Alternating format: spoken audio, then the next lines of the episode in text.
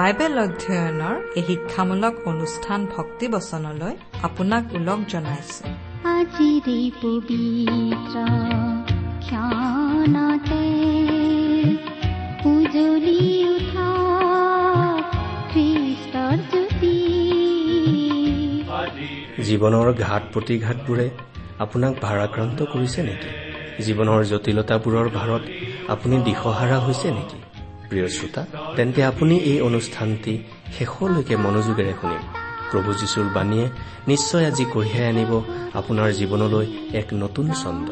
দিশহাৰা জীৱনক এক সঠিক দিশ প্ৰদৰ্শন কৰিবলৈ এয়া আপোনালৈ আগবঢ়াইছো পবিত্ৰ বাইবেল শাস্ত্ৰৰ শিক্ষামূলক অনুষ্ঠান ভক্তিবচন হাইৰে মনৰ ভাৱনাবোৰ সুখে কৰে হিয়া গধুৰ এই আত্মগ্লানীয়ে অশ্ৰুধাৰীৰে আনিছে চৰণলৈ যিচুৰ হাইৰে মনৰ ভাৱনাবোৰ সুকে কৰে হিয়া গধুৰ এই আত্মগ্লানীয়ে অশ্ৰুধাৰীৰে আনিছে চৰণলৈ যিচুৰ হাইৰে মনৰ ভাৱনাবোৰ।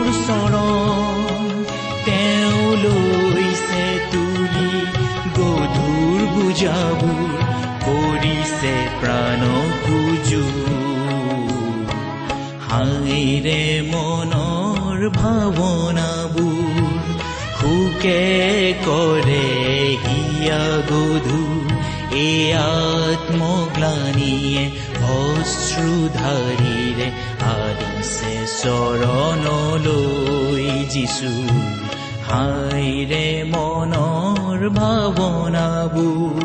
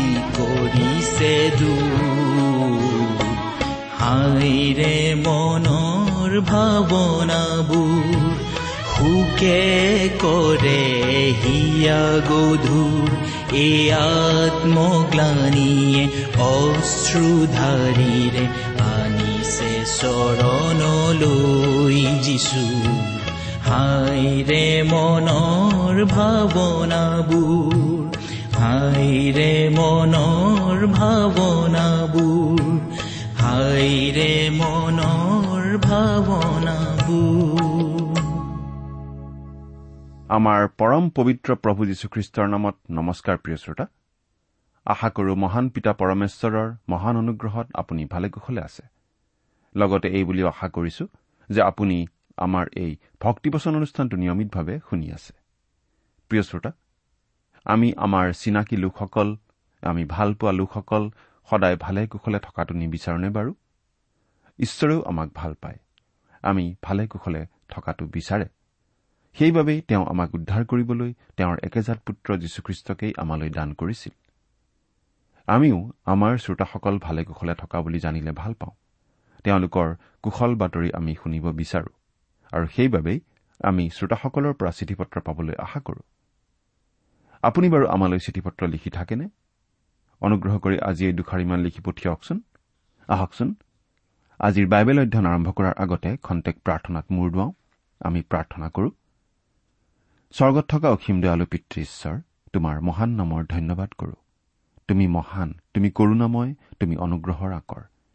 তোমাৰ অনুগ্ৰহতেই আজি আমি প্ৰভু যীশুত বিশ্বাস কৰি পৰিত্ৰাণ পাব পৰা হৈছো। তোমাক পিতৃ বুলি মাতিব পৰা হৈছো। তুমি আমালৈ যিমান অনুগ্ৰহ দেখুৱাইছা তাৰ বাবে তোমাক ধন্যবাদ দি আমি শেষ কৰিব নোৱাৰো। এতিয়া প্ৰাৰ্থনা কৰিছো তোমাৰ মহান বাক্য বাইবেল শাস্ত্ৰৰ যোগেৰে তুমি আমাক কথা কোৱা। তোমাৰ মাত আমাক শুনিবলৈ দিয়া। আমাৰ শ্ৰোতাসকলৰ জীৱনত তোমাৰ অনুগ্ৰহৰ আশীৰ্বাদ উপচি পৰিবলৈ দিয়া। কিয়নো এই প্ৰাৰ্থনা আমাৰ মহান ত্ৰাণকৰ্তা প্ৰভু যীশুখ্ৰীষ্টৰ নামত আগবঢ়াইছো।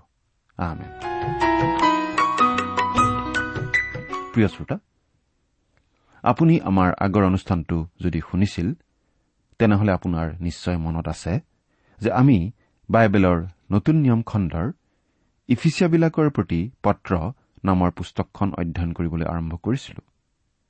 যোৱা অনুষ্ঠানত আমি কেৱল এই পত্ৰখনৰ পটভূমি আলোচনা কৰিলো। আমি ইফিচ নগৰখনৰ বিষয়ে অলপ আলোচনা কৰিলো। ইফিচিয়া পত্ৰখনৰ বিষয়েও এটা থুলমূল আভাস দাঙি ধৰিলো। আজিৰ অনুষ্ঠানত আমি এই ইফিচিয়া পত্ৰখনৰ প্ৰথম অধ্যায়ৰ পৰা চাই যাম। এই ইফিচিয়া পত্ৰখনত মুঠতে ছটা অধ্যায় আছে। পত্ৰখনক আমি প্ৰধানকৈ দুটা ভাগত ভগাব পাৰো। প্ৰথম তিনিটা অধ্যায় হৈছে তাত্বিক মণ্ডলীৰ স্বৰ্গীয় আমন্ত্ৰণ সম্বন্ধীয়। প্ৰথম অধ্যায়ত খ্ৰীষ্টীয় মণ্ডলীক এক শৰীৰ হিচাপে প্ৰকাশ কৰা হৈছে। খ্ৰীষ্টৰ শৰীৰস্বৰূপ খ্ৰীষ্টীয় মণ্ডলীৰ পৰিকল্পনা পিতৃ ঈশ্বৰেই কৰিছিল আৰু সেই মণ্ডলী স্থাপন কৰিলেহি প্ৰভু যীশুখ্ৰীষ্টই। দ্বিতীয় অধ্যায়ত মণ্ডলীক উপাসনাৰ স্থানৰূপে প্ৰকাশ কৰা হৈছে। আৰু তৃতীয় অধ্যায়ত মণ্ডলীৰ ৰহস্যৰ কথা কোৱা হৈছে। পত্ৰখনৰ দ্বিতীয় মূল ভাগটো হৈছে পাছৰ তিনিটা অধ্যায়ক লৈ। এই ভাগটো ব্যৱহাৰিক। খ্ৰীষ্টীয় মণ্ডলীয়ে জগতত কেনেদৰে চলা উচিত সেই বিষয়ক লৈ। চাৰি নম্বৰ অধ্যায়ত মণ্ডলীক নতুন সৃষ্টি হিচাপে প্ৰকাশ কৰা হৈছে। পাঁচ নম্বৰ অধ্যায়ত মণ্ডলীক খ্ৰীষ্টৰ কন্যা ৰূপত দেখুওৱা হৈছে আৰু ছয় নম্বৰ অধ্যায়ত মণ্ডলীক আম্মিক যোদ্ধা বুলি দেখুওৱা হৈছে। ছয়তানৰ শক্তিৰ বিৰুদ্ধে আম্মিকভাৱে যুঁজ কৰিবলৈ বিশ্বাসীসকলে নিজকে কেনেদৰে প্ৰস্তুত কৰা উচিত সেই বিষয়ে সুন্দৰভাৱে উপদেশ দিয়া হৈছে। ইফিচিয়া পত্ৰখনৰ এটি চমু পৰিচয় দাঙি ধৰাৰ পাছত আমি পত্ৰখন এফালৰ পৰা চাই যাম। আজি আমি এই পত্ৰখনৰ প্ৰথম অধ্যায়ৰ পৰা আমাৰ অধ্যয়ন আৰম্ভ কৰিম। এই প্ৰথম অধ্যায়টো তত্বমূলক। খ্ৰীষ্টীয় মণ্ডলীৰ যি বিশেষ আমন্ত্ৰণ সেই আমন্ত্ৰণৰ কথা ইয়াত কোৱা হৈছে। প্ৰথমতে আমি বাইবেলৰ পৰা পাঠ কৰি দিব খুজিছো। ইফিচিয়া এক নম্বৰ অধ্যায়ৰ এক আৰু দুই নম্বৰ পদ আমি পাঠ কৰিম। ঈশ্বৰৰ ইচ্ছাৰ দ্বাৰাই খ্ৰীষ্ট যীশুৰ নিযুক্ত পাচনি পৌল। ইফিচত থকা পবিত্ৰ আৰু খ্ৰীষ্ট যীশুতে বিশ্বাসী লোকবিলাকৰ সমীপলৈ। আমাৰ পিতৃ ঈশ্বৰ আৰু প্ৰভু যীশুখ্ৰীষ্টৰ পৰা তোমালোকলৈ অনুগ্ৰহ আৰু শান্তি হওক। পাচনি পৌলে লিখা সকলোবোৰ পত্ৰৰ ভিতৰত এই পত্ৰখনৰ আৰম্ভণিটো অতি চুটি। এইটো ছুটি হোৱাৰ কাৰণ হৈছে যদিও এই পত্ৰখন ইফিচিয়া মণ্ডলীলৈ লিখা হৈছিল কিন্তু আচলতে সকলো ঠাইৰ মণ্ডলীৰ উদ্দেশ্যে লিখা হৈছিল। কিছুমান পাণ্ডুলিপিত এন এফিচ অৰ্থাৎ ইফিচিয়াবিলাকলৈ এই শব্দটো পোৱা নাযায়। কলচিয়াবিলাকলৈ লিখা চিঠিত পৌলে যিখন পত্ৰ লাইডেকিয়াবিলাকৰ আগত পঢ়ি শুনাবলৈ কৈছিল সেইখন এই ইফিচিয়া পত্ৰই আছিল বুলি অনুমান কৰিব পাৰি। আন কথাত কবলৈ গ'লে এই পত্ৰখন সেই সময়ৰ মণ্ডলীবিলাকৰ মাজত এঠাইৰ পৰা আন ঠাইলৈ নি পঢ়িবলৈ দিয়া চিঠিৰ নিচিনা আছিল। আচলতে পৌলে ইয়াত স্থানীয় মণ্ডলীৰ কথাত বেছি গুৰুত্ব দিয়া নাই। খ্ৰীষ্টৰ অদৃশ্য শৰীৰ অৰ্থাৎ সামগ্ৰিক খ্ৰীষ্টীয় মণ্ডলীৰ কথাতহে অধিক গুৰুত্ব দিছে। ঈশ্বৰৰ ইচ্ছাৰ দ্বাৰাই খ্ৰীষ্ট যীশুৰ নিযুক্ত পাচনি পৌল। খ্ৰীষ্ট যীশু খ্ৰীষ্ট হৈছে যীশুৰ উপাধি। যীশুক খ্ৰীষ্ট বুলি কোৱা হয় কাৰণ তেওঁ অভিষিক্ত জনা সমগ্ৰ মানৱ জাতিৰ উদ্ধাৰকৰ্তা। পিতৰে খ্ৰীষ্টক এই বুলি কৈছিল আপুনি সেই অভিষিক্ত জনা জীৱনময় ঈশ্বৰৰ পুত্ৰ। মুঠিয়ে লিখা শুভবাৰ্তা ষোল্ল নম্বৰ অধ্যায়ৰ ষোল্ল নম্বৰ পদ। যীশু আছিল তেওঁৰ মানুহ হিচাপে লোৱা নাম কিন্তু খ্ৰীষ্ট হৈছে তেওঁৰ উপাধি। তেওঁ অভিষিক্ত জনা তেওঁ উদ্ধাৰকৰ্তা। পৌলে কৈছিল আগেয়ে খ্ৰীষ্টক মাংস অনুসাৰে জানিলেও এতিয়াৰ পৰা আৰু নাজানো। দ্বিতীয় কৰিন্ঠিয়া পাঁচ নম্বৰ অধ্যায়ৰ ষোল্ল নম্বৰ পদ। পৌলে আচলতে খ্ৰীষ্টক মানুহ হিচাপে সেই তিনি বছৰীয়া জাগতিক পৰিচৰ্যাত ব্যস্ত থকা ব্যক্তি হিচাপে জনা নাছিল। মৃত্যুক জয় কৰি পুনৰুত্থিত হোৱা গৌৰৱময় খ্ৰীষ্টকহে তেওঁ লগ পাইছিল মুখামুখিকৈ। আৰু সেইবাবে পাচনি পৌলে সদায় খ্ৰীষ্ট শব্দটোত বেছি গুৰুত্ব দিছিল। যীশুখ্ৰীষ্ট বুলি নকৈ খ্ৰীষ্ট যীশু বুলিহে তেওঁ বেছিকৈ কৈছিল। পাচনি পৌলে কৈছে যে তেওঁ পাচনি। পাচনি মাননো কি? এই পাচনি বাবটো মণ্ডলীৰ সকলোবোৰ বাবৰ ভিতৰত আগস্থানত থকা বাব আজি আচলতে মণ্ডলীৰ কোনো পাচনি নাই কাৰণ পাচনি হবৰ বাবে প্ৰয়োজনীয় অৰ্হতা আজি কাৰো নাই। পাচনীসকলে যীশুখ্ৰীষ্টৰ পৰা পোনে পোনে আদেশ পাইছিল সেই কামৰ বাবে। তেওঁলোকে মানৱ ৰূপত থকা যীশুক লগ পাইছিল।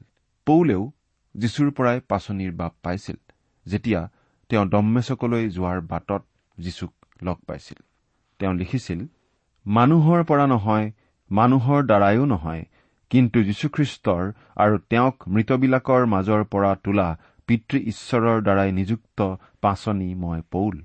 গালাটীয়া এক অধ্যায় এক নম্বৰ পদ। সেইকাৰণেই আমি ভাবো পৌলেহে আচলতে ইস্কৰতীয়া যীহুদাৰ স্থান লৈছিল। শিষ্যসকলে মত্যথিয়ক বাছি লৈছিল। কিন্তু তেওঁক যীশুৱে নিৰ্বাচন কৰাৰ উল্লেখ আমি কতো নাপাওঁ। সকলোকেইজন পাচনিয়েই খ্ৰীষ্টৰ পৰা পোনে পোনে নিযুক্তি লাভ কৰিছিল। দ্বিতীয়তে পাচনীসকলে পুনৰুত্থিত যীশুক দেখিছিল পৌলেও লগ পাইছিল। সেই দম্মেচকলৈ যোৱাৰ বাটত। তৃতীয়তে পাচনীসকলে পবিত্ৰ আত্মাৰ দ্বাৰা বিশেষভাৱে অভিষিক্ত হৈছিল পবিত্ৰ আত্মাৰ দ্বাৰা বিশেষভাৱে চালিত হৈ শাস্ত্ৰ লিখিছিল। এই বিষয়ত পৌল আন আন পাচনীসকলতকৈও আগত। চতুৰ্থতে তেওঁলোকে বিশেষ কৰ্তৃত্ব প্ৰদৰ্শন কৰিব পাৰিছিল। পঞ্চমতে আৰু তেওঁলোকৰ সেই বিশেষ কৰ্তৃত্বৰ প্ৰমাণস্বৰূপে তেওঁলোকে নানা ধৰণৰ অলৌকিক কাৰ্য সম্পাদন কৰিব পাৰিছিল। আজিকালি এনেকুৱা ক্ষমতা মানুহক দিয়া হোৱা নাই। পাচনীসকলৰ বিশেষ ক্ষমতা আছিল আৰু সেই ক্ষমতা আছিল পাচনীসকলৰ বিশেষ চিন জোহনে প্ৰথম শতিকাৰ শেষৰ পিনে এনেদৰে লিখিছিল কোনোৱে যদি সেই উপদেশ নলৈ তোমালোকৰ ওচৰলৈ যায় তেন্তে তেওঁক ঘৰত গ্ৰাহ্য নকৰিবা আৰু মংগল হওক বুলি তেওঁক নকবা। জোহনৰ দ্বিতীয় পত্ৰ দহ নম্বৰ পদ। ষষ্ঠতে তেওঁলোকক গোটেই জগততে মণ্ডলী স্থাপন কৰিবলৈ বিশেষ আজ্ঞা দিয়া হৈছিল। পাচনি হবলৈ এই ছটা বিশেষ অৰ্হতা থকাৰ প্ৰয়োজন আৰু এই গোটেইকেইটা পৌলৰ ক্ষেত্ৰত খাটে। ঈশ্বৰৰ ইচ্ছাৰ দ্বাৰাই খ্ৰীষ্ট যীশুৰ নিযুক্ত পাচনি পৌল। পৌলে নিজৰ পাচনি কামটো ঈশ্বৰৰ ইচ্ছাৰ ভিত্তিতহে কৰিছিল। নিজৰ ব্যক্তিগত আকাংক্ষা পূৰণৰ বাবে নহয়। কোনো মানুহৰ ইচ্ছামতেও নহয় নাইবা মণ্ডলীৰ ইচ্ছামতেও নহয়। গালাটীয়া লোকসকললৈ তেওঁ সেইবাবেই এনেদৰে লিখিছিল। আমি পঢ়িবলৈ পাওঁ গালাটীয়া এক নম্বৰ অধ্যায়ৰ পোন্ধৰ আৰু ষোল্ল নম্বৰ পদত কিন্তু যি ঈশ্বৰে মোক মাতৃগৰ্ভৰে পৰা পৃথক কৰি তেওঁৰ অনুগ্ৰহেৰে মোক আমন্ত্ৰণ কৰিলে তেওঁৰ পুত্ৰৰ শুভবাৰ্তা মই যেন পৰজাতিবিলাকৰ আগত প্ৰচাৰ কৰো এইকাৰণে তেওঁ যেতিয়া নিজ পুত্ৰক মোত প্ৰকাশ কৰিবলৈ সন্তুষ্ট হৈছিল তেতিয়া মই মাংস আৰু তেজেৰে সৈতে পৰামৰ্শ নকৰিলো। তেওঁ তিমঠিক এই বুলি কৈছিল আমি পঢ়িবলৈ পাওঁ প্ৰথম তিমঠিয় এক নম্বৰ অধ্যায়ৰ বাৰ আৰু তেৰ নম্বৰ পদত যিজনাই মোক শক্তি দিলে আমাৰ সেই প্ৰভু খ্ৰীষ্ট যীশুৰ অনুগ্ৰহ স্বীকাৰ কৰিছো। কিয়নো যদিও মই নিন্দক তাৰণাকাৰী আৰু গৰ্বী আছিলো তথাপি তেওঁ মোক বিশ্বাসী জ্ঞান কৰি পৰিচৰ্যা পদত নিযুক্ত কৰিলে। কিন্তু নুবুজি অবিশ্বাসৰ বশত সেই সকলো কৰ্ম কৰিছিলো। এইকাৰণে মই দয়া পালো। তেওঁৰ পাচনি বাবৰ ভিত্তি যে একমাত্ৰ ঈশ্বৰৰ ইচ্ছাহে সেই কথাটো পৌলে বাৰে বাৰে উল্লেখ কৰা আমি দেখিবলৈ পাওঁ। প্ৰথম কৰিন্থিয়া এক নম্বৰ অধ্যায়ৰ এক নম্বৰ পদ দ্বিতীয় কৰিন্থিয়া এক নম্বৰ অধ্যায়ৰ এক নম্বৰ পদ কলচিয়া এক নম্বৰ অধ্যায়ৰ এক নম্বৰ পদ দ্বিতীয় তিমঠিয় এক নম্বৰ অধ্যায়ৰ এক নম্বৰ পদ। এই সকলো ঠাইতে তেওঁ এই কথা উল্লেখ কৰা আমি পাওঁ। ইফিচত থকা পবিত্ৰ লোকবিলাকৰ সমীপলৈ। পবিত্ৰ শব্দটোৰ মূল গ্ৰীক শব্দটো হৈছে হেগিয়ছ আৰু ইয়াৰ অৰ্থ হৈছে পবিত্ৰ আৰু বিশেষ কামৰ বাবে আছুতীয়াকৈ ৰখা বস্তু। পবিত্ৰ মানে ঈশ্বৰে বিশেষ উদ্দেশ্যেৰে বিশেষ কামৰ বাবে পৃথক কৰি লোৱা বস্তু। পুৰণি নিয়মৰ দিনত মন্দিৰৰ কাম কাজৰ বাবে ব্যৱহাৰ কৰা পাত্ৰবোৰক পবিত্ৰ পাত্ৰ বোলা হৈছিল। কাৰণ সেইবোৰ উপাসনাৰ কামৰ কাৰণে বিশেষভাৱে ৰখা পাত্ৰ সেই পাত্ৰবোৰ দেখাত খুব ধুনীয়া আছিল নেকি বাৰু? নিশ্চয় নহয় কাৰণ অৰণ্যৰ মাজেৰে যাত্ৰা কৰি আহোঁতে পাত্ৰবোৰ কিজানি অলপ অচৰপ থেতেলাও খাইছিল। কিন্তু সেইবোৰ পবিত্ৰ আছিল কাৰণ সেই পাত্ৰবোৰ ঈশ্বৰৰ কামৰ বাবে ব্যৱহৃত হৈছিল। ঠিক একেদৰে পবিত্ৰ লোক মানে ইয়াত সেই লোকসকলক বুজোৱা হৈছে যিসকল লোকে প্ৰভু যীশুক ত্ৰাণকৰ্তা বুলি গ্ৰহণ কৰিছে আৰু ঈশ্বৰৰ দ্বাৰা বিশেষ লোক হৈছে। আচলতে খ্ৰীষ্টত বিশ্বাস কৰাৰ লগে লগে প্ৰতিজন লোক পবিত্ৰ হয় কাৰণ ঈশ্বৰে নিজৰ কামৰ বাবে গ্ৰহণ কৰি লয়। কিছুমান লোকে খ্ৰীষ্টক গ্ৰহণ কৰাৰ পাছতো হয়তো ঈশ্বৰৰ দ্বাৰা ব্যৱহৃত নোহোৱাকৈও আছে। সেইটো তেওঁলোকৰ দোষ। ঈশ্বৰৰ দোষ নহয়। তেওঁলোকক ঈশ্বৰে ব্যৱহাৰ কৰিবলৈ বাছি লৈছে। সেই কথা উপলব্ধি কৰি তেওঁলোকে নিজকে আগবঢ়োৱা উচিত ঈশ্বৰৰ কামৰ বাবে। পবিত্ৰ লোকে পবিত্ৰ ব্যৱহাৰ কৰিব লাগে সেই কথা সঁচা। কিন্তু পবিত্ৰভাৱে জীৱন যাপন কৰাৰ কাৰণে তেওঁলোক পবিত্ৰ নহয়। ঈশ্বৰে আছুতীয়া কৰি বাছি লোৱা কাৰণেহে তেওঁলোক পবিত্ৰ। তেওঁলোক খ্ৰীষ্টত থকা কাৰণেহে পবিত্ৰ।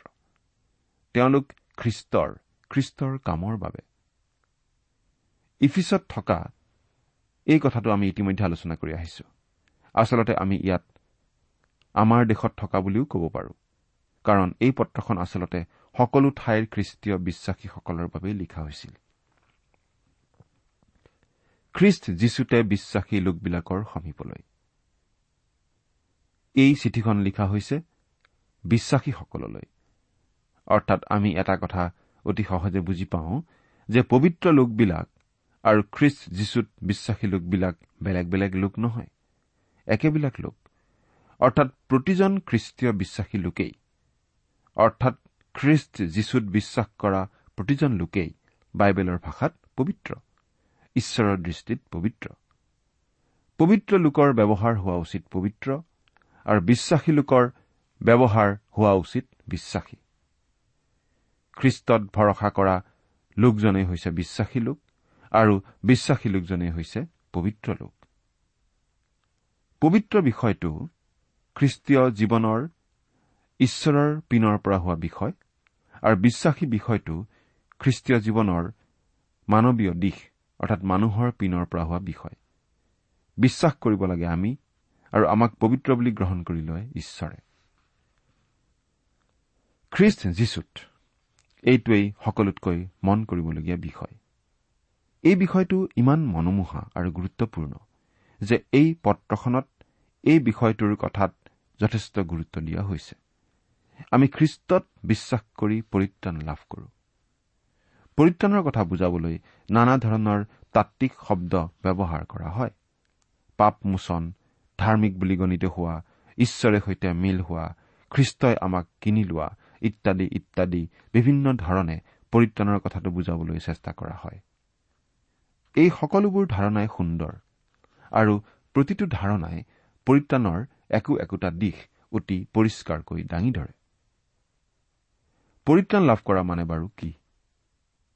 অতি চমুকৈ কবলৈ গ'লে পৰিত্ৰাণ লাভ কৰা মানে খ্ৰীষ্টত আশ্ৰয় লোৱা খ্ৰীষ্টত থিতাপি লোৱা আমি খ্ৰীষ্টত বিশ্বাস কৰাৰ লগে লগে অবিচ্ছেদ্যভাৱে আৰু জৈৱিকভাৱে খ্ৰীষ্টৰ সৈতে সংযুক্ত হৈ পৰো পবিত্ৰ আত্মাৰ জৰিয়তে। প্ৰথম কৰিন্ঠিয়া বাৰ নম্বৰ অধ্যায়ৰ বাৰ আৰু তেৰ নম্বৰ পদ চাওক। প্ৰথম কৰিন্ঠিয়া বাৰ নম্বৰ অধ্যায়ৰ বাৰ আৰু তেৰ নম্বৰ পদ আপোনালোকে চাই ল'ব। এই সম্বন্ধ ছেদ নহয়। আমি খ্ৰীষ্টতেই গজালি মেলো।